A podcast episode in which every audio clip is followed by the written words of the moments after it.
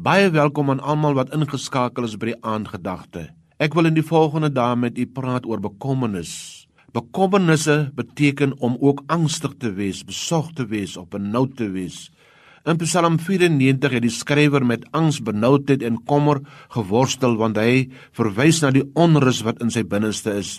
Dit word ook 'n klaagpsalm genoem, maar die skrywer verwys na die goddeloses wat hulle verlustig in die leed van die weerloses in die samelewing, die weduwees en die vreemdelinge en die weeskinders. Die ergste is dat hulle dink dat die Here dit nie sien nie. Die skrywer beweeg vanaf vers 16 tot 19 na 'n meer persoonlike vlak en verwys na sy eie ervaring.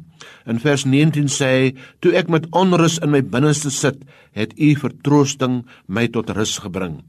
Wie het hom in die verlede bygestaan en hom gehelp toe sy lewe bedreig was, selfs in tye van vertwyfeling toe dit gevoel het dat sy voete gly, was God se troue liefde wat hom staande gehou het.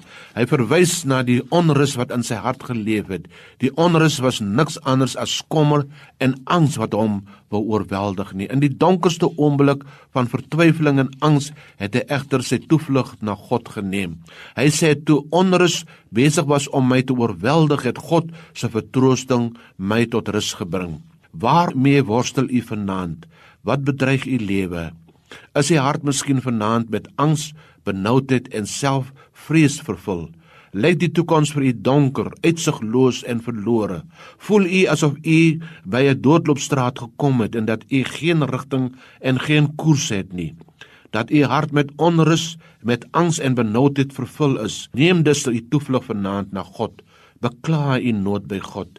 Tereg nooi hy ons uit as hy sê kom na my toe almal wat vermoeid en belas is en ek sal vir julle rus gee. Die Here wil ook rustigheid in u gemoed bring sodat u rustig kan gaan slaap. Amen.